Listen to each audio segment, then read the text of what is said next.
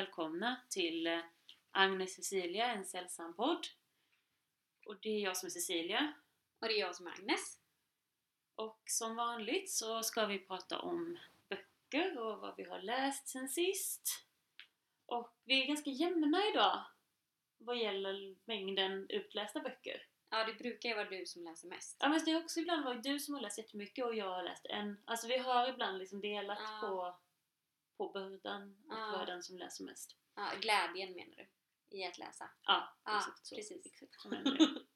Ehm, så, men eh, jag börjar med att fråga dig. Vad har du läst sen sist? Ja, men jag har ändå haft eh, ovanligt mycket läsflow, får man väl säga. Eh, sett till den senaste tiden i alla fall. Eh, för jag har läst tre böcker sen sist. Och man kan säga att två har ändå ganska mycket gemensamt. Eh, och det är väl att de är väldigt politiska, eller de handlar om politik på olika sätt. Eh, den tredje, eh, inte uppenbar koppling till de andra, men vi kanske kommer fram till någon eh, fantastisk koppling under det här samtalet. Kanske.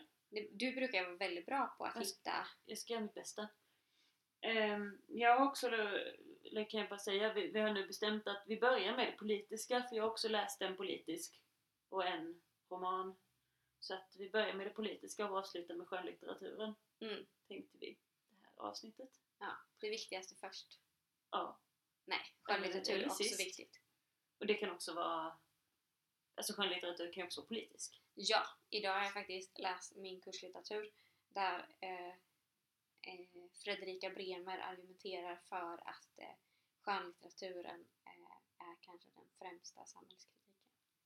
Där, det är där den händer. På så sätt. Eh, ja, så att eh, Mm. det kanske blir superpolitiskt alltihopa. Kanske. Kanske. Vi får se. Men berätta nu. Ja. Alltså den, den första boken då, Mm. som är också den senaste boken jag har läst. Mm. Eh, den är så här fantastiskt vacker. Det kan inte ni se som lyssnar. Men den är alltså kanske det, 10 cm hög. Eh, och eh, 5 cm bred. Oj, Eh, det är litet. Ja, och den är guld. Ehm, och eh, jag vet inte om den här går att få tag på, men vill man väldigt gärna läsa den här efter att ha hört mig prata om den så kanske man kan få låna den av mig. Okej. Eh, den heter nämligen Avskaffa arbetet Mm. och är skriven av Bob Black. Fråga mig inte vem Bob Black är, eh, om Bob Black finns. Mm. Eh, det kanske är en pseudonym. Eh, men den här är inköpt på eh, Radikala bokmässan som var i höstas på Ah. Kvinnofolkhögskolan här i Göteborg. Okej, ja, för jag, min, första fråga var var har du fått tag på den här? Ja, jo men här fick jag en julklapp av min fantastiska partner. Ah. eh, som kände att eh, kanske att jag klagade lite mer på mitt arbete. Ehm, nej men eh, jag har funderat ganska mycket på arbetskritik det sist- senaste, Mm. eller det har jag gjort ganska länge, men det har liksom kommit tillbaka eh, nu kanske för att jag eh, heltidsarbetar. Ehm, vilket ju är helt befängt. Ehm, och det kan man säga att den här boken slår fast i ett väldigt tidigt skede. Jag tänker att jag ska läsa det första stycket. Mm. Eh, så att ni fattar eh, vart åt det barkar. Den heter alltså Avskaffa arbetet och börjar så här. Ingen borde någonsin arbeta. Arbetet är roten till det mesta av eländet här i världen. Så gott som allt ont man kan föreställa sig kommer antingen från arbete eller från att leva i en värld som är konstruerad för arbete. Om vi ska få slut på lidandet måste vi först sluta arbeta. Alltså, Okej. Jag, jag är med. är du med? Den är, det här är ju någon slags stridsskrift kan man säga. Eller ett manifest Mm. eh, mot arbete. Och det är helt ljuvlig läsning. eh, Det är också väldigt, väldigt liten text. ja, Det är typ telefonkatalogen. ja. För de som minns telefonkatalogen. Alltså det känns ju lite som att man har kommit över en sån här hemlig bok under någon sån här diktatur. Som bara så sprids i liksom på svarta marknaden. Då hade den nog inte varit guldig. Eh, nej, om det inte var någonstans där det finns väldigt mycket guld och det inte Mm. skulle synas. Då. Precis. Ehm, en guldgruva till exempel. Om Mm. man eh, vill samla alla gruvarbetare och störta arbetet. Då är det ju guld värt. Förlåt? Eh, det var en trumvirvel, det lät inte eh, så. Vi kan, vi, vi kan inte lägga in en trumvirvel, vi vet inte hur man gör. Nej. Men hade vi kunnat det så hade vi gjort det. Mm. Ehm, nej men alltså den här är väl kanske ingenting för den som är liksom lite pragmatisk och lite så här kom, mm, in, som skräder orden. För det finns, eh, den är ganska kompromisslös. Mm. Ehm, den argumenterar eh, väldigt ensidigt mot arbete eh, och den har eh, vissa liknelser mellan arbete och till exempel koncentrationsläger som eh, vissa läsare kanske skulle kunna vända sig emot. Sen- Vänder du dig emot det?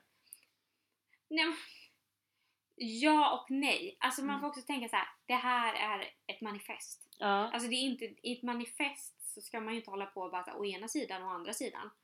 Eh, utan då tycker jag man får slå på den stora Mm. trumman. Sen kanske man inte i liksom ett samtal med eh, eh, så här, förintelseöverlevare eh, bör göra den jämförelsen. Nej. Ehm, men jag tycker att det är väldigt underhållande läsning till viss del. För Mm. att det är liksom så här. Ja men det är så gött att det bara är så här. ah, Det här är hemskt, det är vidrigt och man bara ja! Det är fruktansvärt, ska jag ha det så?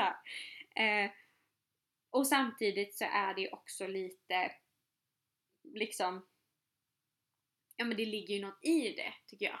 Eh, Mm. Och eh, alltså det väcker ändå mycket tankar kring liksom så här, varför arbetar vi så mycket? Vem tjänar på det? Vad gör det med oss att vi arbetar typ all vår vakna tid? Och vad är alternativet till arbete? För att mycket, alltså en, en, kriti- en kritik av arbetskritiken är ju ofta så här, ja ah, men vadå, ska folk inte göra någonting? Eh, Bara slappa runt liksom. Eh, Men ursäkta mig, spela mobilspel? ja precis, det är det, Det, vi ska måste göra. också göras. Ja, precis. Eh, nej men och här så här, det här är också på första sidan. Eh, men jag tycker att det är ganska så här bra eh, förtydligande eh, kring liksom vad arbetskritik handlar om. För då står det så här. Detta innebär inte att vi ska sluta att göra saker. Det innebär däremot att skapa ett nytt levnadssätt som är grundat på lek. En lekfull revolution. Med lek menar jag också fest, kreativitet, sällskapsliv, samarbete och kanske också konst. Lek är långt mer bara än barnets lek, hur värdefull denna än är. Det jag önskar är, att, är ett kollektivt äventyr av allmän glädje och fritt överdåd människor emellan. Lek är inte passiv. Utan tvivel behöver vi all, alla mer tid för ren och skär lättja och avkoppling än vi idag någonsin kan få, oavsett hur mycket vi tjänar eller vilken ställning vi har. Men när vi väl har återhämtat oss från arbetsförvållad utmattning så vill vi så gott som alla vara aktiva på något vis. Och jag tror verkligen att det är sant liksom. Att Ja. människan är aktiv. Alltså Ja. det, sen, sen är det klart att så här, nej vi kan inte se det i vår värld nu för nu är vi så fruktansvärt trötta så det enda vi vill när vi kommer hem är att lägga oss i soffan och spela mobilspel. Eller scrolla. Mm. Eh, fast liksom när man har fått det behovet tillgodosett då kommer ju folk vilja göra saker. Ja.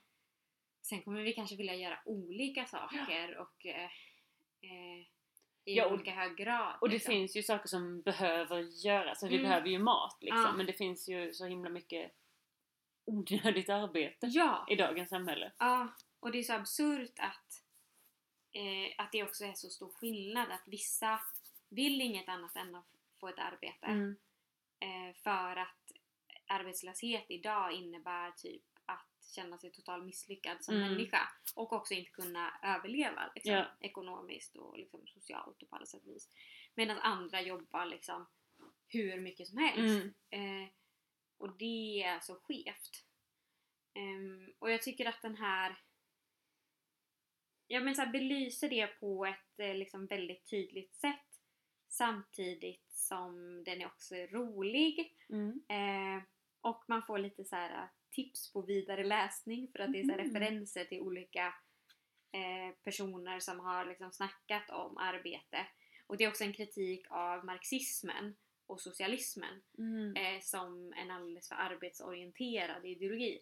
Vilket, eh, det är ju det som Mm. liksom socialismen och marxismen bygger på. Ja. Liksom. Eh, och att det blir spännande om man då är liksom vänsterorienterad. Att så här, tänka, hur kan man tänka sig en vänsterrörelse som inte bygger på arbete? Ja. Vad blir då liksom det som förenar människor? Eh, och det som liksom, vad, vilka, vad vill vi då uppnå liksom? Ja. Men vad skulle du säga, alltså vad skulle den här... Finns det någon ideologi i den här? Eller liksom ty, så här, Är den socialistisk fast arbetskritisk eller? Ja men jag skulle säga att den är inspirerad av liksom marxismen, socialismen och anarkismen. Kanske Okej. mest av anarkismen. Ja. Eh, men att den eh, kanske snarare liksom använder de här olika ideologierna för att förstå arbete eller vilken roll arbetet har liksom för vår existens och liksom också så här, i makt Mm. eh, i maktutövandet liksom. Men eh, slutet är väldigt fint. Eh, jag tänker att jag inte spoilar så himla mycket genom att säga det. Eh, sista meningen är Arbetare i alla länder, koppla av! Men den är, ja alltså, jag läste den här på en kväll. Ja, men alltså jag blev så glad. Och kände också så här. om inte annat så bör man ju prata om detta. Och man bör trycka sina egna små böcker om eh, eh, revolutionära tankar som man Ja. bär på. För det kän, alltså, jag känner att så här, det här, det skulle, om jag var en sån som hade en handväska så skulle jag vilja ha den här i min handväska. Okej, men alltså du kan väl ha den i din ryggsäck? Ja, jag kan också ha ingen det i som- mina stora fickor. Ja. Eh, jag funderade på om jag skulle sätta upp den på jobbet. Men så kände jag, nej de är inte riktigt värda det. ja Eh. de kanske inte är mogna för det. Nej, jag tror inte det. Eh, så att jag, eh, just nu har jag den på mitt nattduksbord istället. Ja. Jag tänker också att det är en diskussion man inte vill ha med alla människor. Nej. Det är lite som gjort för att bli missförstådd. Ja, och, och liksom att få höra en massa skit från folk som inte fattar typ. Ja, Alltså så här, det finns diskussioner man in, som, eller jag, jag tycker att det finns diskussioner som är roliga, eller som är intre- intressanta att ta, eller meningsfulla att ta. Men det finns också diskussioner som är typ helt meningslösa. mm, Och då, det här skulle kunna leda till så många meningslösa diskussioner.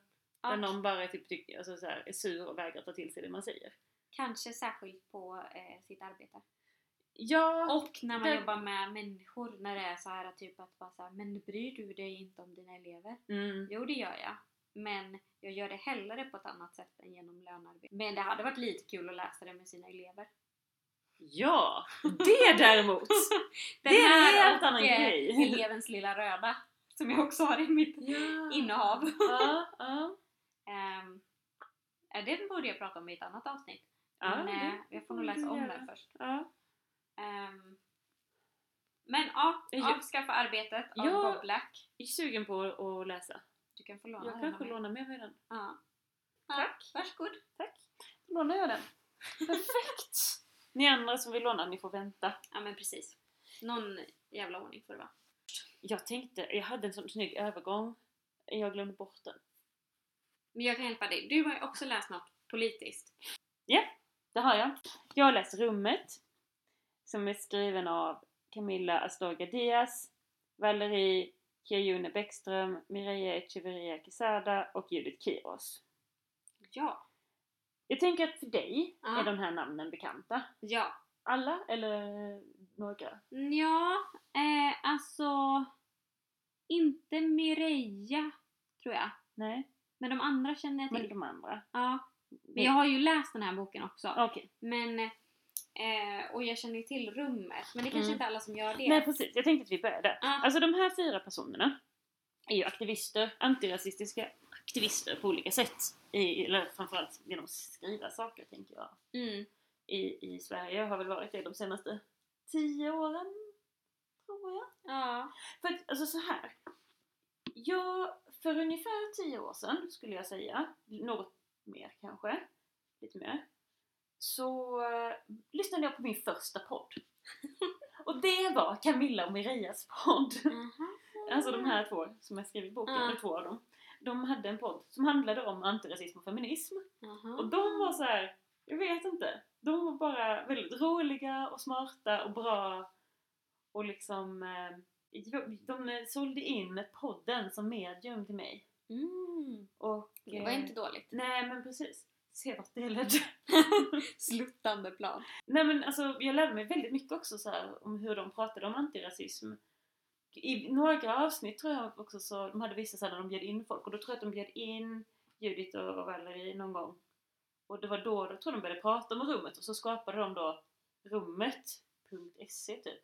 Som var någon, jag vet inte om den fortfarande finns. Jag hade tänkt kolla upp det men det har jag inte Ja. gjort. Men att eh, det var någon slags eh, hemsida. Alltså det här var ju också några år sedan. Ja, det skulle väl vara någon slags Var här frizon. Men var det typ ett community där man kunde så logga in eller var det något där man bara gick dit och läste vem som helst? Ja, det är en bra fråga. Kommer Vi riktigt borde ju ha googlat detta. Ja, men i alla fall så Jag tror att det var öppet. Åtminstone delar av sidan tror jag var öppen för alla. Eh, men det kanske också fanns någon del där man kunde logga in och Mm. liksom ha diskussionsforum och så. Men det var ju också tänkt, ja men som sagt det skulle vara ett rum för icke-vita personer. Mm. Det var det som var hela poängen. Och det här är då en bok som sen de släppte liksom utifrån. Det fanns väl också på den här sidan så fanns det en massa olika texter och Mm. jag har för mig, jag får en bild i huvudet av hur det såg ut, att det var liksom olika rubriker och så tror jag att under där var det liksom olika ja, texter om olika saker och sådär. Och det är egentligen samma sak i den här. Det finns eh, ett visst antal kapitel. Det finns dock in, in, innehållsförteckning. Den är väldigt färgglad ska jag säga, så varje kapitel har liksom egen färg. Då kan man bläddra lite och kolla. Först är då lila, handlar om skönhet. Och sen har vi karriär, nöje. Det är liksom som en eh, eh, sån tjejtidning. Eh, ja, men lite. I liksom hur... Ja men det är något- framat liksom. Ja. Ja, men det finns ja, relationer hade de och familjeliv. Burn book. Som väl kanske var den jag hade lite svårast att förstå. Jag tror att burn book var lite den delen, så vi vet inte var vi ska lägga det här. Vi Mm. lägger det här. Ah. Ehm, så i alla fall, men varje kapitel inleds med liksom en chattkonversation mellan de här fyra som är väldigt underhållande. Då, säg, grejen de är skitroliga.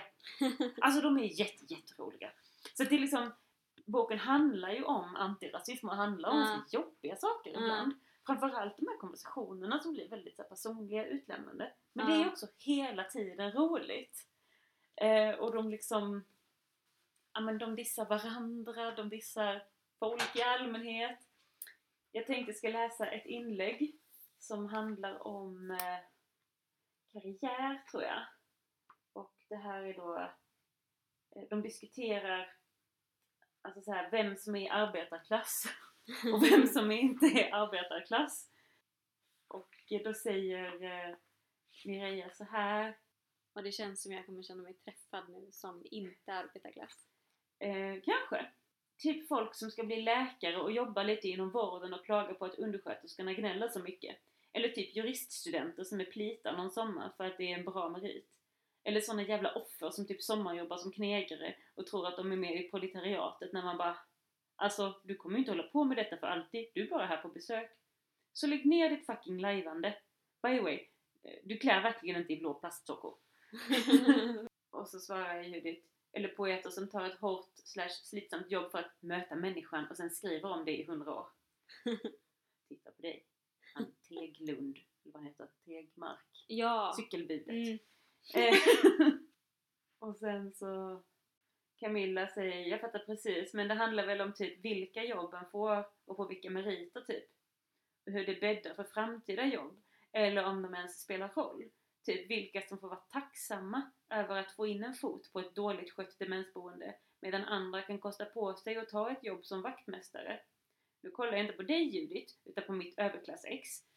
Och liksom prata om det som att det är temporärt. För man vet ju det, när man tar det jobbet, att man har andra framtidsutsikter och andra redan har planer för en. Ja. Alltså där, det är både liksom djupt och allvarligt och roligt. Jag för mig att de också skrev om, eller så är det någon annanstans Ja. så här, eh, apropå klass typ, att Ja. eh, ja men så här, eh, personer som eh, säger att de inte har några pengar eh, fast, det, fast, det, fast har det på sparkontot men man vill inte ta från sparkontot. Ja, precis. Ehm, då kände jag mig lite Ja, träffad. det står inte här i den här, men jag tror att de har sagt det i något Mm. annat forum. Så jag jag har inte råd. Så här. Ja. Ja. eller alltså jag har ju på sparkontot Ja, men men jag vill jag inte vill ta inte av ta dem. av dem. Ja precis. Nej men alltså om man då, eftersom jag ju inte då är målgrupp för den här boken. Jag får också veta det ganska många gånger. Mm. Så bara, Mm. eh, typ, det är ju inga, eller, eller där de säger, nu har inte jag sagt något flört men så här typ.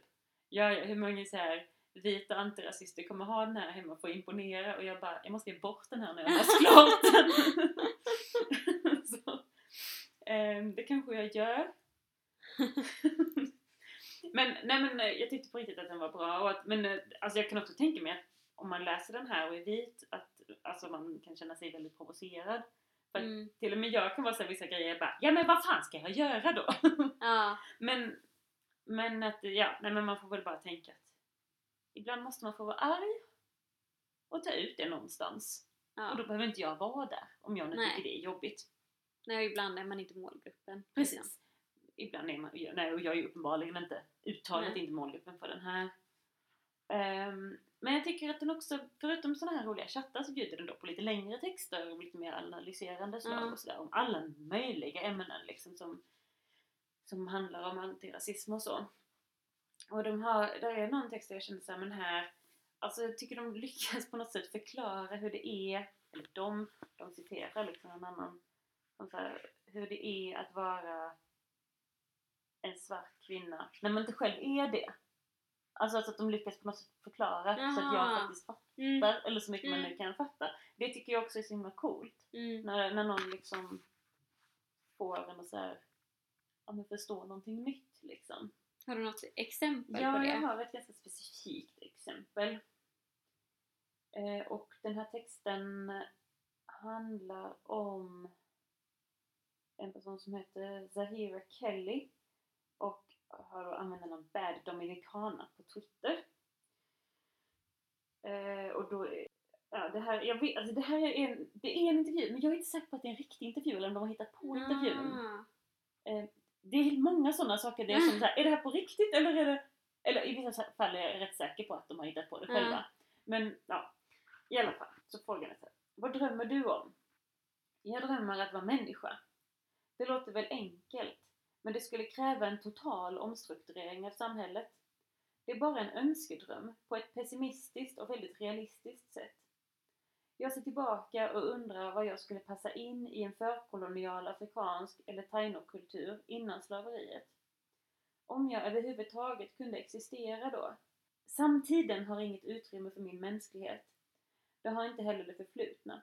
Jag skulle behöva visualisera en helt annan värld i vilken jag skulle kunna vara människa. Att ens drömma om mänsklighet är ett svårt, komplext, omöjligt uppdrag när du är afrodominikanska. Ja, nej men jag stannar där för att jag tänkte att det var det som var det. Mm. Alltså det här att liksom att inte kunna, du kan aldrig vara bara människa. Det tänker jag att även som kvinna kan man ju Mm. känna det liksom att, här, att man är alltid först och främst kvinna liksom. Mm. Man måste förhålla sig till det hela tiden liksom. Mm. Men att lägga på ett lager till då. Ja. Så jag tycker att det är ett fint sätt att förklara det. Verkligen. Um, sen innehåller också den här, så här olika tester, ja men lite tjejtidning Ja, liksom ja. så här, vilken antirasistisk typ är du? Ja. Eh, och sånt här. Blev Spel- något smickrande? Eh, jag blev nog ganska splittrad. Jag tror inte det fanns något smickrande. Nej. Eller så här. Ja, jag vet inte. Men den är, ja, jag tycker den var väldigt läsvärd. Sen är den är lite, den har några år på nacken nu. Mm. Alltså det är inte gammal, kan man inte på, alltså så här, vad är den från typ 2015? Kanske? Eh, Men det har ändå gått rätt det har fort. gått. Ja men det har ju Eller det har hänt rätt mycket. Det har hänt väldigt mycket. Alltså det på, delar av den känns typ lite gammal. Och sen så vissa delar känner jag bara, ja ja, jag vet. För att det Ja. typ ändå har försökt sätta mig in lite i det här tidigare och så. Och Ja. som sagt, har lyssnat på deras podd och sånt. Ja. Så att eh, för mig så kände jag att vissa saker var väldigt så här, grundläggande eller liksom Mm. upprepande men det gör ju Mm. inte heller alltid någonting.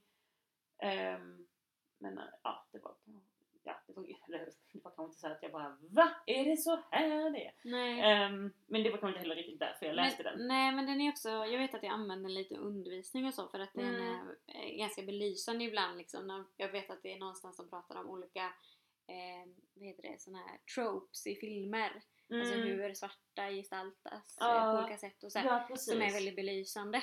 Ehm, och det, alltså det jag uppskattade med den var just det här liksom populärkulturella. Mm. Ehm, men sen kan jag ha, och det här, nu kanske jag eh, bajsar i det blå skåpet här. Mhm. Men alltså jag har ju lite svårt för det här elaka som jag tycker finns lite i den här boken och som finns lite i så sociala medier. Mm. Att det är så himla mycket så här äh, basha på folk till höger och vänster. På specifika personer eller på liksom grupper? Ja, alltså både på specifika personer Mm. eh, och också, här är det väl också mycket på vita liksom. Ja.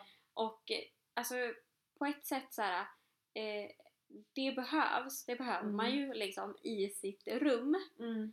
Eh, men jag tror att jag förväntar mig mer när man är en offentlig person som eh, liksom sysslar med liksom, skrivande och journalistik och så. Eh, även om de inte gör just i, i den här är det ju liksom ett an, en annan texttyp eller säga. Mm. Men att jag ändå blir och nu känner jag att jag är den vita personen som bara sluta vara så arga. Eh, men jag har lite svårt för det. Okej. Och det, det vet jag att jag har svårt för eh, i deras poddar också. Mm. Jag har bara lyssnat lite men jag är inte så Men mycket... vänta, har de poddar nu också? Nej, som har funnits förr. Ja, okej. Och sen så... ehm, ehm, ja men att det, att det här är liksom att man ska eh, hålla på och ironisera hela tiden. Ja. Eh, så kan jag känna såhär bara, fast skriv vad du tycker istället. Alltså såhär, Ja. vad, är, vad är det vi vill och hur kan vi nå dit? Eh, Ja, alltså jag tänkte inte så mycket på det här. Alltså jag vill kanske också, ja men som ni, alltså det är ju internetkulturen som jag är jag är van liksom mm, vid hur det är, Mm. så här, hur internet är och kan väl också Ja. så här, alltså ganska lätt skaka av mig det, mm. tänker jag. Eh, Jag tror inte att jag blir så personligt kränkt nej, men jag tycker inte att det är så intressant. nej jag fattar. Det här jag snabba formatet liksom. Ja, jag, jag tycker att det är ganska kul. Ja. Jag gillar det. Jag gillar just den tonen. Mm, För jag tror inte heller att det liksom är Det ligger ingen elakhet i botten utan det Nej. ligger väl mer en frustration liksom. ja. Den Ehm. eh, är ju fullt legitim. Ja men precis. Men alltså så här, om man hoppar på enskilda personer eh, Som jag gjorde nyss med cykelbudet. så eh, Men vi gör ju det här i vår lilla privata sfär. mycket privat. Eh, Nej men det beror väl på också så jag tänker, kommer den personen läsa det? Kommer den Mm. personen fatta grej? Alltså så här, Sparkar man uppåt, sparkar man neråt. Precis. Ja. Alltså, nej, jag tycker inte heller man ska vara onödigt taskig mot folk liksom. Men jag kan också se att det här är en bok med en viss jargong. Mm. Ja men det är det verkligen. Eh, och då, om man känner att det finns risk för att man blir sur av det här så kanske man ska läsa något annat. Ja. Men jag tänker att det är lite som, eh, eh, jag tror att jag så här, kopplar ihop det till en tendens Mm. eh, i samhället och också typ vad som hände med tidningen Bang. Att det gick från en, en så här Mm. feministisk, eh, intellektuell eh, tidning Men det var väl bara en intellektuell kollaps som hände där. Ja, till att bli något jävla horoskopklotterplank. Eh, och sen så bara En explosion. explosion och... Ja, alltså jag vet inte om jag kan koppla ihop det till detta. Eller jag vet inte, ser inte riktigt linjen. Ja, men den här snuttifieringen liksom, att det bara blir massa eh, Ja, fast... snabbmat typ. Fast i litterär form. Fast jag tycker nog inte att det är rummets fel. Nej, det är inte rummets fel. Men jag tror att jag Ja. så här, ser de tendenserna och det gör Mm. att jag blir eh, liksom orimligt provocerad Jaha. av ja. eh, en del som kanske är så här, fast det här är en bok och de har valt att skriva den på det här sättet Mm. versus eh, en jättebra tidning som blir en jättedålig tidning. Ja, precis. Nej, för jag tänker de har ju väldigt olika Mm. eh, syften. Ja, men precis. Och jag tror att jag blandar ihop dem. Den här boken finns ju kvar medan Bang inte finns kvar. precis. det säger väl något. Ja, nej men jag tycker det var väldigt roligt. Mm. Ehm, och eh, in, men rolig men också djup och Mm. intressant, eller liksom allvarlig. Det är en bra kombo. Ja. Vad, du hade läst något mer här? Ja, eh, jag har läst, läst en bok som heter Brev från en cell som är skriven av en författare som heter Henrik Johansson. Den är ganska snygg också. Ja. ja. Fast väldigt olik den Den ser ut som andra. en poesisamling. Ja, det skulle man kunna tänka. Den är vit och eh, sen har den eh, svarta streck på sig, som kritstreck som väl ska se ut som en cell tror jag. Kanske. Eller vad heter det? Galler? Ja, som- aha, det såg inte jag. Alltså det är så här eh, vertikala linjer liksom. ja, Ojämna, långa. ja. Jag såg inte att det var... Nej men det skulle verkligen kunna vara eh, poesi typ. Ja, Eh, men det är det inte. jag blir lite Eh. trött när jag tittar på den. är, det, är det din, din tidigare ovilja att läsa poesi? Den är inte tidigare, den är nutida. Med viss variation. Mm. Ja. Men det är fortfarande ovillig. ja. eh, nej men det här, alltså jag var tvungen att googla efter ett tag när jag Mm. läst den här. Jag bara, är det för eh, genre? Okej. Bara är det sant eller är det påhittat? Eh, för jag blev Eller är det autofiktion? Ja precis. Det senaste. Ah. Det senaste. Eh, nej men för att den har en väldigt dokumentär känsla. ja. eh, i språket eh, framförallt. Men också liksom hur, hur den är skriven i... Man får liksom följa olika karaktärer som ger så ögonblicksbilder. Typ. Mm. Eh, både i liksom nutid men också att de blickar bakåt och beskriver ett skeende. Eh, så jag var tvungen att googla efter ett tag så här, bara, är det här en dokumentärskildring eller är det en roman? Men det Mm. är en roman. Åh, okej. Ehm, och eh, Och den handlar om folk som sitter i fängelse? Ja, jo men det gör den. Jag kan läsa vad det står på baksidan, Ja. för jag är så dålig på att sammanfatta. Eh, Malmö år 2000. Patrik Panik dras till Reclaim the Streets-protester som sprider sig i landet. I slagorden kritiserar rörelsen det samhälle som alltid svikit och Patrik som levt sitt liv i konfrontation hittar ett sammanhang där motståndet blir en kollektiv kraft. Brev från cell är en berättelse om socialt arv, sociala rörelser och hur flykt och strävan möts i en skärningspunkt under några höstmånader. Så eh, den här Patrik, det är liksom huvudpersonen Mm. eh, i berättelsen. Men man skulle också kunna säga att det är typ en kollektivroman. Eller liksom det handlar om den här rörelsen. Mm. Ehm, och det, det är någonting som jag uppskattar väldigt mycket. Eh, för att eh, ja, men det är så spännande att det inte bara kretsar kring en person Mm. eller liksom några få personer som är liksom individer utan det handlar mer om den här rörelsen och de blir snarare liksom vad ska man säga perspektiv inom rörelsen som visar på hur liksom, vilka splittringar eh, det eh, kan finnas inom en politisk rörelse och hur man hanterar dem liksom. Och jag tycker det var skitspännande eh, för det här handlar ju liksom om ja, men Reclaim the Streets som eh, var en rörelse, eller det är väl fortfarande men den är inte lika eh, stor kanske som den var i början på 2000-talet. Som handlar om liksom att ta tillbaka gatorna eh, från framförallt de liksom kommersiella krafterna men också från liksom eh, ordningsmakten. Mm. Eh, att det ska vara liksom det offentliga rummet ska vara ett offentligt rum där Mm. alla har tillträde och där alla kan gå ostört liksom oavsett hudfärg eller eh, om man har pengar eller inte och sådär. Ehm, men i den här liksom, berättelsen så får vi följa den här Patrik som har vuxit upp i liksom, en förort eh, till Malmö. Han har en pappa som har suttit inne större delen av hans liv eh, för att han rånade, jag tror att han rånade en affär eller en bank Mhm. eller någonting för att eh, försörja sitt missbruk här för mig. Mm. Så han har liksom suttit inne under större delen av Patriks liv eh, och han har vuxit upp med sin ensamstående mamma då. Eh, och eh, han har tillsammans med eh, sin bästa vän, som jag inte kommer ihåg vad han heter, som eh, också är Behar heter han. Eh, liksom gjort ganska mycket skit genom åren.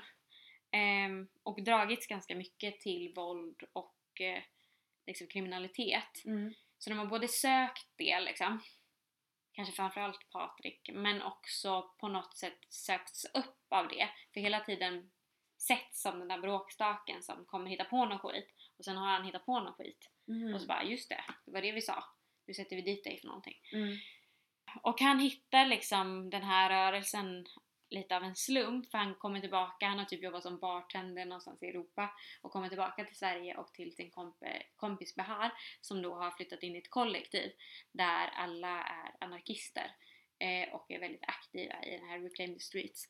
Så då följer han med på en demonstration och känner sig plötsligt som liksom Ja men att han får ett sammanhang för all sin frustration och alla sina upplevelser av att inte höra till och liksom inte vara välkommen.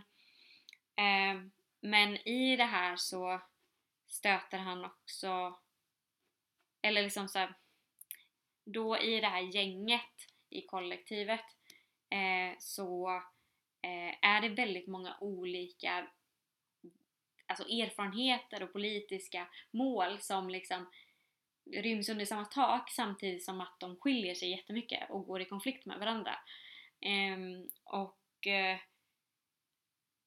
och det blir så spännande för att då får man verkligen fatta, alltså det är som att man får en bild av hur en rörelse växer fram men också hur en rörelse kan splittras Mm och hur lätt det kan vara att hitta gemensamma nämnare eh, trots att ganska mycket är olikt. Ehm, och jag tycker att den är väldigt fin för att man får liksom följa då den här Patrik som är en liksom, man kan verkligen se honom så här, en, som en verklig person Mm. som så här, ja men är typ en bråkstake och ställer till det, söker konflikt så in i helskotta liksom. Mm. Eh, går längst fram, muckar med polisen. Alltså så här, samtidigt som att, och liksom så här, och, och gör att det smäller. Samtidigt som att det är så här, ja fast han är också dömd på förhand Mm. hela tiden för polisen eh, liksom tar honom bara på hans utseende eller på att de känner igen att hans pappa sitter inne och Mm. bara du är en sån. Ehm, vet också vilka knappar de ska trycka på för att han ska gå över gränsen. Ehm, och det blir liksom ett så himla nyanserat porträtt Mm. av ja men typ hur det är att leva i så här, samhällets utkant och alltid eh, ses som eh, ja men en bråkstake liksom. Ja. Eh, och det var det var så spännande för jag googlade lite recensioner och så och då hittade jag någon i Svenska Dagbladet tror jag det var. Mm. Och då stod det liksom en sammanfattning vad det handlade om. Och då var det så här. Eh, ja men då att den här Patrik, han eh, beskrevs som samhällets avskum eller någonting. Mm. Och då kände jag så här, då har man ju inte fattat. Då har man ju liksom gått på den här myten om att Mm. han bara är en dålig person. Ja. eh, och eh, det är en så otroligt liten del av Mm. eh, verkligheten liksom. Ja. Ehm, men sen får man också så här, f- följa med eh, liksom, i hur rättssystemet funkar. Ehm, vilket är väldigt intressant om man själv aldrig har varit en del av det. Och det gör också att jag blir lite mörkrädd. Eh, för jag tänker att det nog inte är så välfungerande som man gärna vill tro om man har en väldigt, Ja. som många svenskar har en väldigt stark tilltro till liksom myndigheter och staten och, och Ja, sådär. men alltså det tänker jag bara alla de här våldtäktsrättegångar eh, Mm, och överlag liksom misshandel inom, alltså, av kvinnor, Mm. mäns våld. ja. Alltså så här, Och så här rasism inom polisen. ja, ja, gud, det också. Och liksom, ja.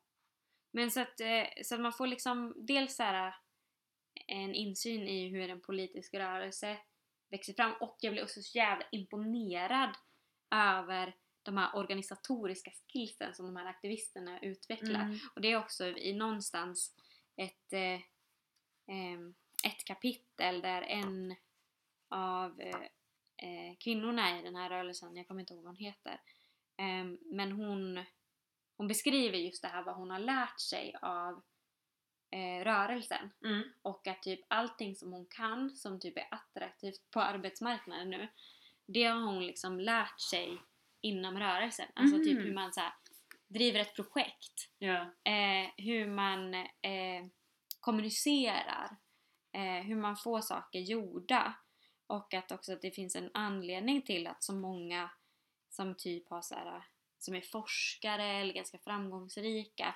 intellektuella Mm. har ett, en aktivistbakgrund Mm. för att man blir så jävla bra på analys och att få saker gjorda eh, och att ta sig fram liksom. Samtidigt som också att det gör att när man väl har klättrat så högt så blir priset för att vara aktivist alldeles för högt. Man kan Mm. liksom inte fortsätta för att ehm, i den världen, typ i forskarvärlden, om, om det kommer fram att du om du får en dom typ eh, för ett eh, våldsamt upplopp, då är din karriär över liksom. Mm. Men om du jobbar på till exempel bageri som två karaktärerna gör här, ja men då kan de gå tillbaka och jobba på bageriet när de Mm. kommer ut igen. Och det tänker jag, alltså det, att det är en tendens att eh, det har blivit så otroligt, eh, det har blivit sånt högt pris för aktivism så att ingen kan typ ägna sig åt det Mm. längre. Eh, för det finns många paralleller i den här också till Göteborgskravallen och så. Och att folk fick liksom så här typ 10 års fängelse Mm. för att man har typ skickat några sms. Varit lite sambandscentral. Mm. Och det är så bisarrt. Ja. Ehm, så att ja, jag tyckte jag, det var jättespännande. Det fick mig att tänka så himla mycket på politik typ och vad jag själv tycker är viktigt och så. Men sen så var det kanske inte den mest litterära upplevelsen jag var med om.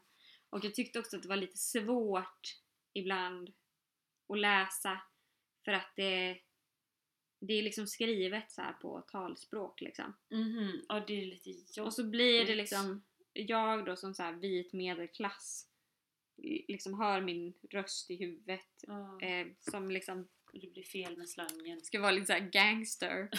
Och typ Linnea skrattade åt mig Ja, när jag vad skulle- berättade någonting om den. Vad skulle rummet säga om det här? Ja, det är en bra fråga. Ja men typ jag berättade något så här för Linnea och så bara ah, så gjorde han en volta där. Så bara ursäkta mig vad sa du att han gjorde? Han gjorde en volta. Jag bara, vad är heller det? vad det betyder. Jag bara, han satt inne en period. Hon bara, ja en volta, har du precis lärt dig det eller? Jag bara, nej jag visste faktiskt det innan. Fast jag hade ju aldrig sagt det Jaha. ja. eh, om jag inte hade precis läst den här. För Nej. där står det om eh, de här voltorna de gör Jaha. i fängelset. Så där. Ehm, Jag tänkte på dammsugare. ja.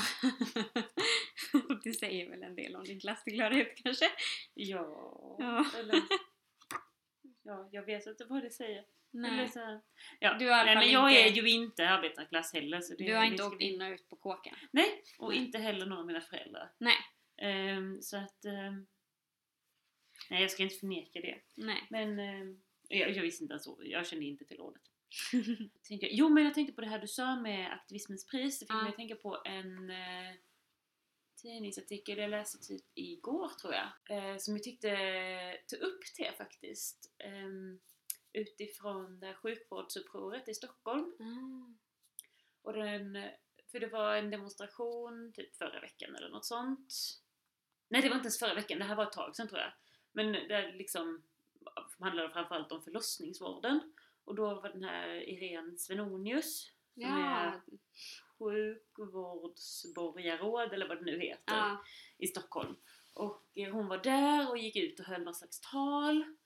Eller ja, sa någonting. Och sen så hade hon sagt någon gång att jag går, här är inte bara liksom mammor och barnmorskor utan här är också så här proffsdemonstranter och jag har sett det på andra demonstrationer och ni går alltid oavsett liksom vad det handlar om, ni vill bara demonstrera typ.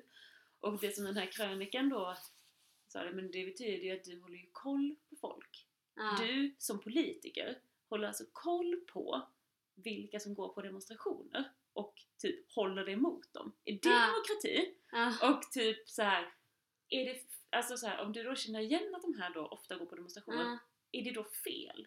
Ja. Alltså är, är det, får du inte lov att bry dig?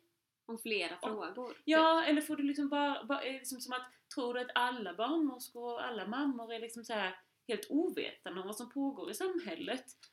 Alltså så här, är, det, är det två Mm. skilda grupper vi Ja. pratar om? Och Hon sa det på så himla bra sätt. Ehm, det var, jag tror det heter Kristina Lindqvist eller något sånt i Mm. DN. Jag har upptäckt henne. Ja. Hon har skrivit bra, flera bra saker. Kul. Krönikor. typ. Ja. Ja, men jag tyckte, det var apropå det du sa. Ja. Ehm, Ja, för att det blir ju liksom så här. Eh, jag tänker att det, det blir så tydligt när man pratar typ med sina föräldrar eller liksom en generation som är eh, mm. äldre än en själv liksom. Att det, ja, men det var lite såhär, åh så gjorde vi det här och så gjorde vi där och så fick jag en lägenhet och så fick jag ett jobb och sen så sa jag upp den lägenheten och det jobbet och så reste jag i tre år och så sen kom jag tillbaka Mm. och då fick jag tillbaka jobbet. Alltså att eh, det fanns en mycket nu måste man göra så jäkla rätt Ja, och vara från perfekt, dag ett. och vara perfekt hela tiden. Ja, Och jag tänker även, nu är det ju också några år mellan oss, jag Ja. vet inte om det spelar roll också, men jag tänker också på det, de som är typ så här 20 idag. mm, På något sätt så tänker jag fortfarande att jag är 20, mm, det är jag inte. Jag är 38. ja, Eh, och liksom, ja, jag är ju i en annan relation, en, en, en relation, en annan generation än 20-åringarna och att de har det ju ännu svårare liksom. ja.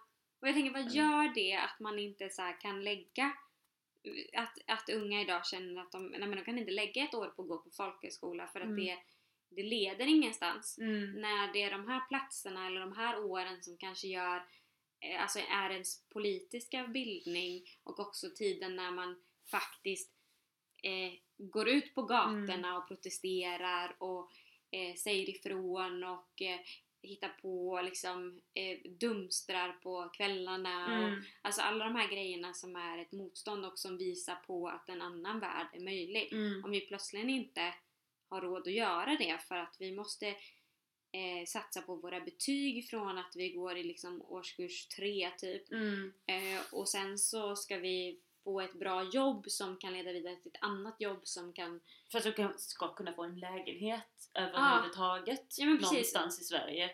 För boende, jag tänker, jag tänker Mm. att boendesituationen också är så himla central, att det är så jäkla svårt att få en bostad. Mm. Och har du minsta lilla prick Mm. någonstans i något system Mm. så är du helt jäkla körd. mm. Alltså det... Och då kan det vara typ att en polis har sagt så här, gå härifrån och du säger nej.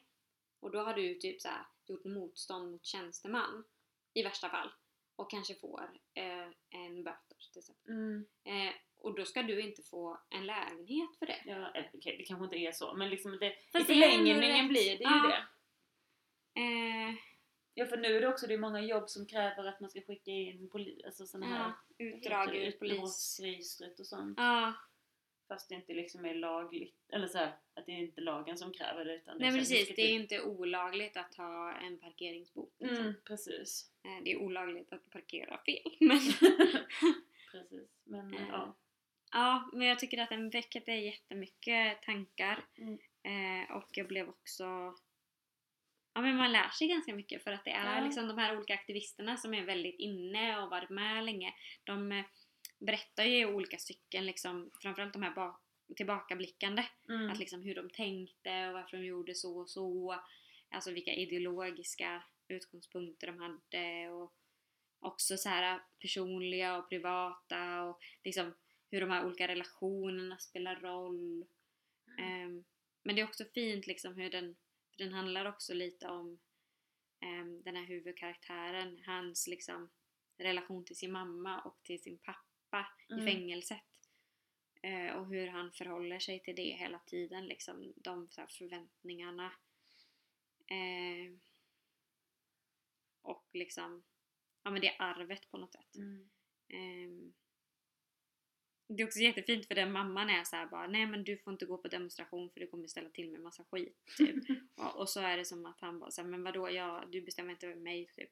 Och vadå, tycker du att det är bra med typ polisbrutalitet? Hon bara såhär, nej, nej det gör jag i och för sig inte. Men då ska jag följa med. Så går, så går de tillsammans.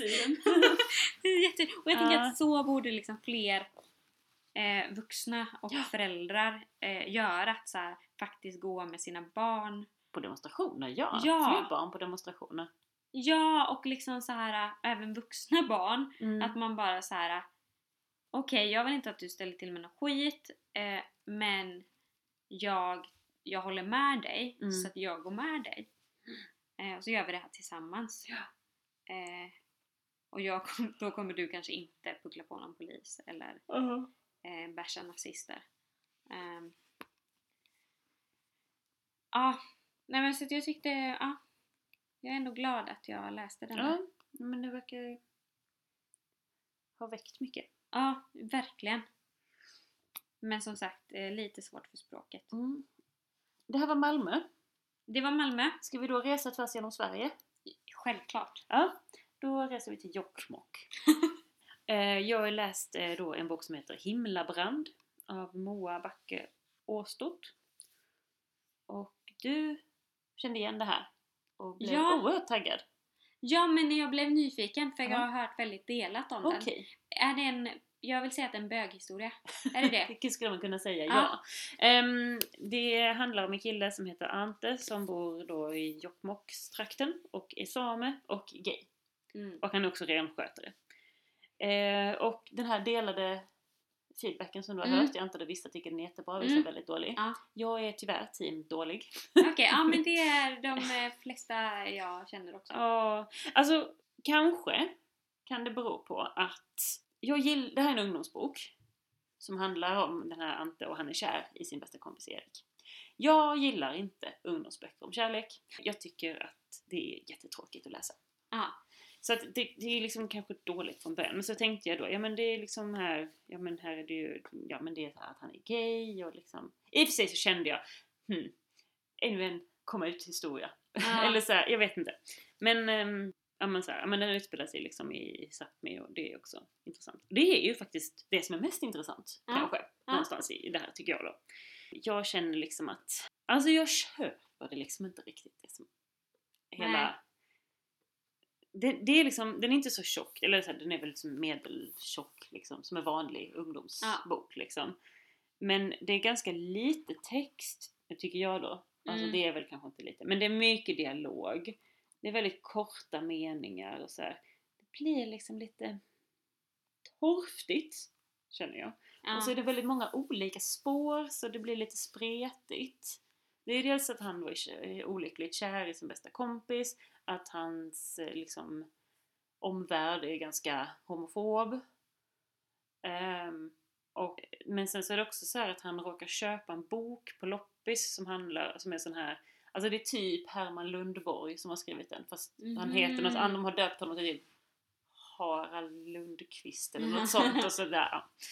Eh, så den handlar om så här, ja men det är så här bilder på samer och skallmätningar och sådär liksom. Eh, och då är det så här, han, upp, ja, han upptäcker att någon där i boken är typ hans förfader.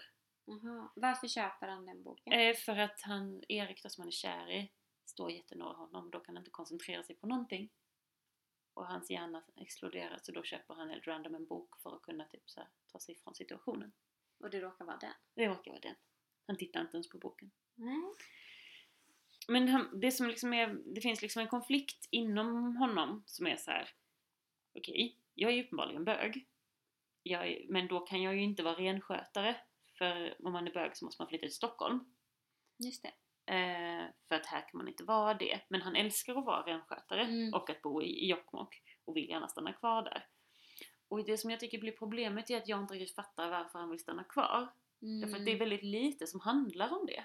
Ja. Det är liksom inte, jag får ingen känsla för det livet. Nej. Det är som bara, ja men jag vill, fort, jag vill fortsätta bo, jag vill fortsätta, jaha men varför liksom? Ja. Och jag vet inte om det är så att om man då är same själv kanske man fattar det. Jag gör inte det. Nej, och jag, tänk, jag har svårt att tänka mig att den är skriven bara för Nej men precis. samer. Så det är väl lite där jag kände och det var också därför det, det blev så himla spretigt med alla de här olika trådarna som Mm. hände. Ehm, och att då den, liksom, den delen blev väldigt liten. Mm. För det är alltså precis första Första kapitlet är typ att de är ute med renarna och en sån här av, avskiljning. Att Ja, på något sätt det. delar Mm. upp jorden. Men, och sen så är det någon mer gång när han är renarna men annars det är liksom inte mer renar än så. Och då blir det liksom väldigt svårt för mig att så fatta varför han tycker det är så kul att vara renskötare. Det är två scener. Det känns väldigt tråkigt för det skulle ju annars vara en intressant... Ja. För det tänker jag att det finns en rörelse nu om liksom, ja men typ som lesbisk landsbygd och ja. eh, hur man kan vara queer på landet, liksom att många trivs på landet. Men helheten gör då, eller blir då väldigt tunn. Ja, Och att jag var så här. Jaha. vad tråkigt. Ja, så tyvärr. Det, det här är min bokcirkelbok så Ah. jag, det är därför jag läst den. Um, annars skulle jag inte läst den för att jag håller på med Bröderna Karamazov. Du skulle ju läsa den till idag så. Ja, nej, så, så, så insåg jag att det inte skulle gå. Det är Eh, okej. Jag kanske blir klar till april. Ehm, men nu var jag tvungen att läsa den här. Men vi var ganska överens i... äh, Vi var inte helt överens i bokcirkeln. Det blev faktiskt en väldigt bra diskussion om olika saker. Men det var ingen som tyckte att den var fantastisk. Nej. Men det är ju kul när det blir diskussion i en bokcirkel. Ja. En ganska stor del av vår diskussion gick ut till att diskutera hur de använde Facebook i boken. För det- Mm. Det var någon som bara, men använder ungdomar verkligen Facebook? För alltså, just det, nu har jag inte sagt det men Ante är ju, går typ på gymnasiet. Mhm. Och sen så står det typ så här att han gick in på hennes Facebook, klickade på meddelande-ikonen och skrev ett meddelande. Och jag var så här, Det gör man alla vi, vi i bokcirkeln var så här, det är ingen som gör så. Nej. Det var jättekonstigt. Ja. Och även om den här liksom kanske skrevs för tre år sedan Ja. eller något sånt där så det gör man inte så då heller. Nej. Så det, en väldigt obegriplig sak Ja. i boken. Kanske det mest obegripliga. Det nämns också Snapchat. Mm. Känns mer rimligt. Ja. Och Instagram. Ja. Eh, och överlag så här smsande och liksom så här, att de, de skriver mycket till varandra. Eh, och det är till och med så här, en gång så ringer Erik till Ante men han svarar inte telefonen för han svarar av princip inte när någon ringer. Han vill egentligen jättegärna prata med Erik. Men han, nej jag svarar ju inte i telefon. Det, är faktiskt, Det var ändå lite roligt. Ja, alltså så här, jag, den är inte så här noll Nej. stjärnor. Utan Nej. så den, den är liksom inte... Den var väl okej. Det är inte- Jag ångrar jag, ångrar inte att jag läste den. Men det är inte heller min bok. Nej men och det är alltså en ungdomsbok eller en barnbok Mm. är ju ofta ganska lättläst. Så att då är det ju svårt att ångra det för att det tog typ. Ja... Men alltså det kan ju vara lättläst och bra. Ja, ja! Men det är ju lättare att, att ångra typ Bröderna Karamazov om man inte tycker den är Ja bra. men, men om man har läst hela den och sen ångrar sig, alltså då, då borde man ha ångrat sig tidigare. För att Ja. alltså, Du har en poäng. Då borde man ha insett tidigare att man inte gillar den. Jag gillar den, det är bara jobbigt att läsa den. Det är mitt... Det ska inte alltid vara lätt. Nu. Lä- Lärande är inte lätt. Nej, exakt. Det är en kamp. Är. Men du har också läst en ungdomsbok? Ja, en barn eller ungdomsbok. Det är för mellanåldrarna tror jag. Är det nu 9 till betyder. 12? Ja men jag tror Det är det. din bästa ålder. Ja.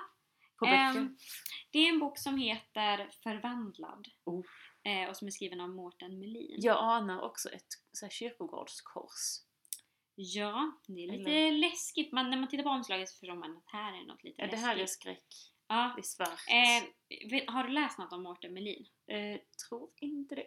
Eh, han skriver väldigt mycket eh, för mellanåldern. Mm. Eh, och eh, de flesta av hans böcker eh, handlar om eh, liksom magisk realism. Det händer Vänta ofta lite. lite. mystiska saker. Är det han som har skrivit de här eh, som, alla böcker, som alla barn älskar? Det är en serie. Som så här, barn som så här, hatar att läsa och aldrig läser så får de läsa de här böckerna och så tycker de det Jag vet kul. inte. Okej. Eh, jag har läst eh, delar ur, eh, vad heter den?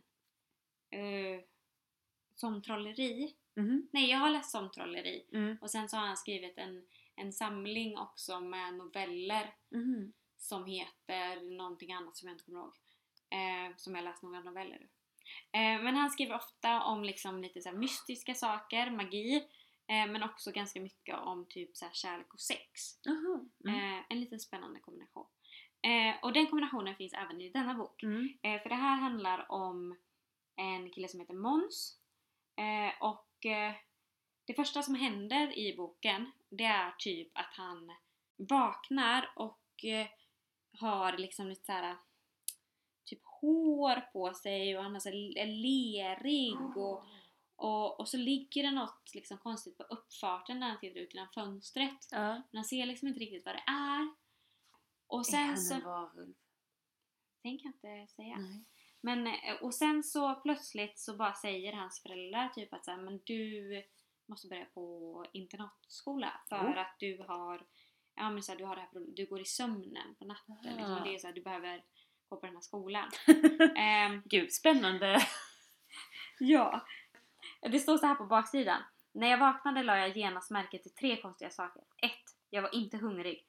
Det var jag annars alltid när jag vaknade. 2. När jag drog undan täcket märkte jag att jag hade en massa jord under fötterna.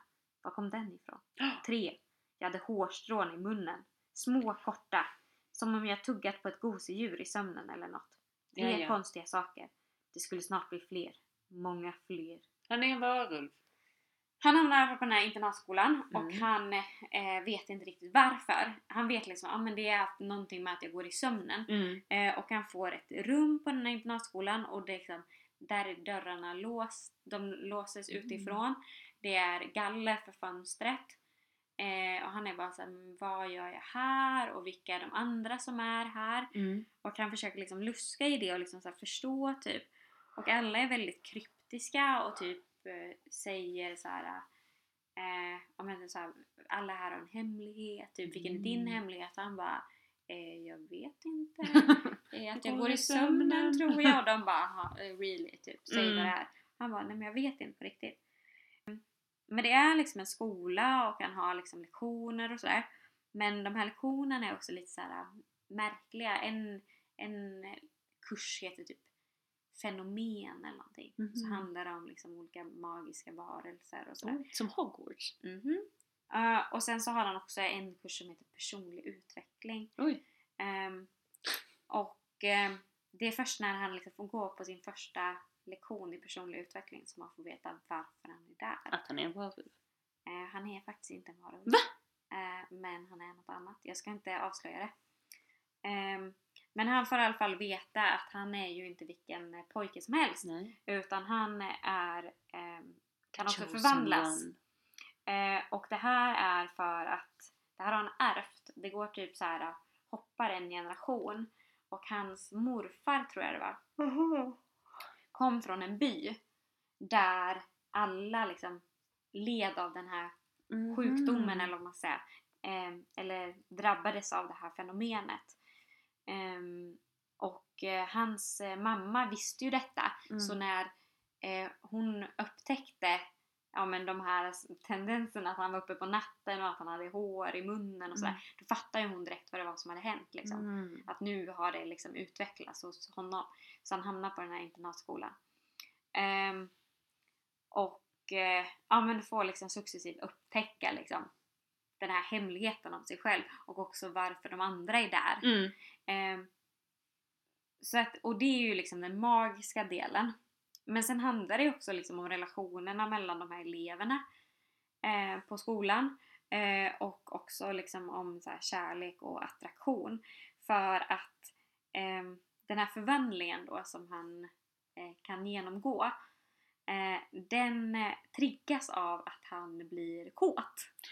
Oj! Ehm, och eh, så att det som har hänt helt enkelt när det här har hänt hemma tidigare Mm. det är att han har blivit typ upphetsad på natten. Han har drömt någonting Okej. och då har förvandlingen kickat igång. Okej. Men det innebär ju också att man kan trigga den här förvandlingen Mhm. eh, medvetet ja. om man vill. Eh, och det börjar han och en annan elev på skolan utforska tillsammans. Ehm, och eh, så den är ändå, alltså jag är ju inte den som är pryd när det kommer till detta och jag tycker det är skitbra att man pratar om Mm. sex och relationer och kärlek och så med, från tidig ålder. Eh, men jag blev ändå lite så här: oj! Ja men det är ändå liksom mycket. Ja.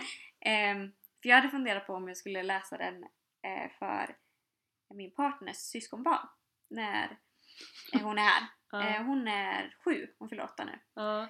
Eh, men då kände jag nog såhär, det är kanske lite too much. Ja. Ehm, men eh, om man är lite äldre, alltså, om, alltså det är ju så olika från barn till barn också. Mm. Men kanske liksom kanske mer eh, 10-12 Mm. passar bättre. Alltså mina sjuor hade ju dött om de hade läst detta.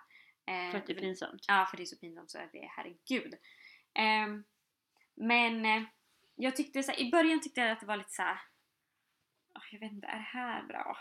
Jag vet inte. Och så var jag så här, men jag kanske bara inte målgruppen. Slår mig varje gång jag läser barnböcker och så bara, Ja. "Ja, men just jag är ju inte barn heller. Nej men alltså jag tycker att just böcker för så här 9 till 12, Ja. alltså de kan jag verkligen så här, Alltså gå in i väldigt mycket. Mm. Alltså de, om de är bra, då Mm. blir jag väldigt, väldigt engagerad. Ehm, så jag tänker att, att det är en, alltså Däremot, liksom, just ungdomsböcker har jag ett större problem med. Jag är mer kräsen där. Men är det inte ofta också det här jävla Jo, kärlekstemat? det är det ju. Ja. Oh, ska varenda jäkla bok handla om kärlek? ja. Kan man få läsa om något annat? Snälla. För det är ju liksom, när det är yngre åldrar så är det ju lite friare typ. Då Ja. kan det ju liksom, och i den här så finns det ju liksom, det är attraktion, eh, men det är inte så mycket liksom kär, alltså det är inte kärlek på det sättet utan det är Nej. mer nyfikenhet inför kroppen och också den här förvandlingen då liksom. Att det, det finns ett syfte Mm. med eh, att liksom eh, vara så intim med en annan person Mm. som inte bara är liksom, åh jag är kär Ja. eh, utan det är också så här, jag vill kicka igång den här förändringen Ja. eller förvandlingen. Ehm, Gud vad jag tänker att det handlar om puberteten. Man kan säkert läsa in jättemycket. Ja. Nej men, ehm, nej, men alltså, det är helt okej för mig om det är, som är kärlek med. Men just när det är så Mm. här att det är liksom det det handlar om. Jag tyckte ändå att den, så Ja. den växte lite på mig liksom, Mm. när jag ändå typ släppte lite att så här. Nej men just det, det är ju en barnbok. Mm. Eh, så jag behöver inte liksom typ känna igen mig Nej. eller tycka att allt är så här värsta utvecklade tankarna. Eh, men den är också, för att sen var den också så här ganska rolig. Alltså Ja, det den är är så här, trevligt. Eh, liksom hur så här, föräldrarna gestaltas och eh, lite så här hur Ja men lite också det här med liksom telefon typ att så här, Mm. hur ofta får morsan ringa liksom, Mm. vad är rimligt? Ja. Alltså att det är ändå ganska kul att få läsa det från ett barns perspektiv. Ja. Ehm, så att eh, Nej men jag tycker ändå att den var eh, läsvärd Mm. och jag skulle absolut liksom tänka mig att eh, för barn som är liksom mellan 10 och 13 kanske så är den liksom, kan man ändå så här, eh, ja men just att man får med också den här biten med liksom lust och, Mm. och så här. Sen kan jag tycka att den var lite så här stereotyp i typ vad som är attraktivt. Ja. Eller liksom så här, för att han utforskar då liksom den här förvandlingen tillsammans med en tjej på skolan. Mm. Och då är det liksom väldigt mycket fokus på hennes bröst till exempel. Ja. Och då kan jag känna, men kom igen! Ja. Alltså bättre än så här kan du, Mårten Melin. Eh, ja. Det finns andra saker än bröst som kan vara attraktiva eller sexualiseras. Liksom. Åh gud, ja. Och det är så ofta i böcker som, som handlar om killar så är det, ja. Mm. Det är mycket bröst. Ja, det är nog min främsta kritik tror jag. Ja, okej. Ja men jag tycker ändå den där låter lite, lite rolig. Jag hittade den på eh, universitetsbibliotekets utgallrade böcker. Spännande! Ah, Det måste ha varit kul, alltså såhär inom litteraturvetenskap. Ja, ja. Men jag tänker att så här, Mårten Melin är ju typ alla vuxnas eh, så här, älsklings... Aha. Sen, jag tänker så här, det här är en sån bok som vuxna vill att barn vill ska att läsa. ska läsa. Okej. Eh, han är liksom godkänd. Mm. Eh, vilket jag kan förstå. Mm. Men ibland så är det ju inte alltid att det sammanfaller med eh, barnens eh, preferenser. Ja. Men kul. När jag läste Mårten Melin med mina sjuor, Mm. eh, en annan då, eh, då blev ju de så upprörda så de höll på att trilla av stolen för de tyckte att det här borde ju vara barnförbjudet! Oj! Eh, för att det stod om kyssar. Okej. Så att eh, alla barn är olika. Ja. Ja. Usch, jag minns med fasen när vi var tvungna att läsa någon sån här bok av Per Nilsson, tror jag heter, på Ja, högstadiet. Också som typiskt som vuxna tycker att Ja. barn ska läsa. Gud vad den var dålig! Oh, handlar också om en kille som var kär. Han var säkert besatt av bröst. ja. Ja. Förmodligen. Anyway. Ska vi avsluta? Ja, vi har pratat jättelänge. Jätte, som vanligt. Det Ja. blir alltid så.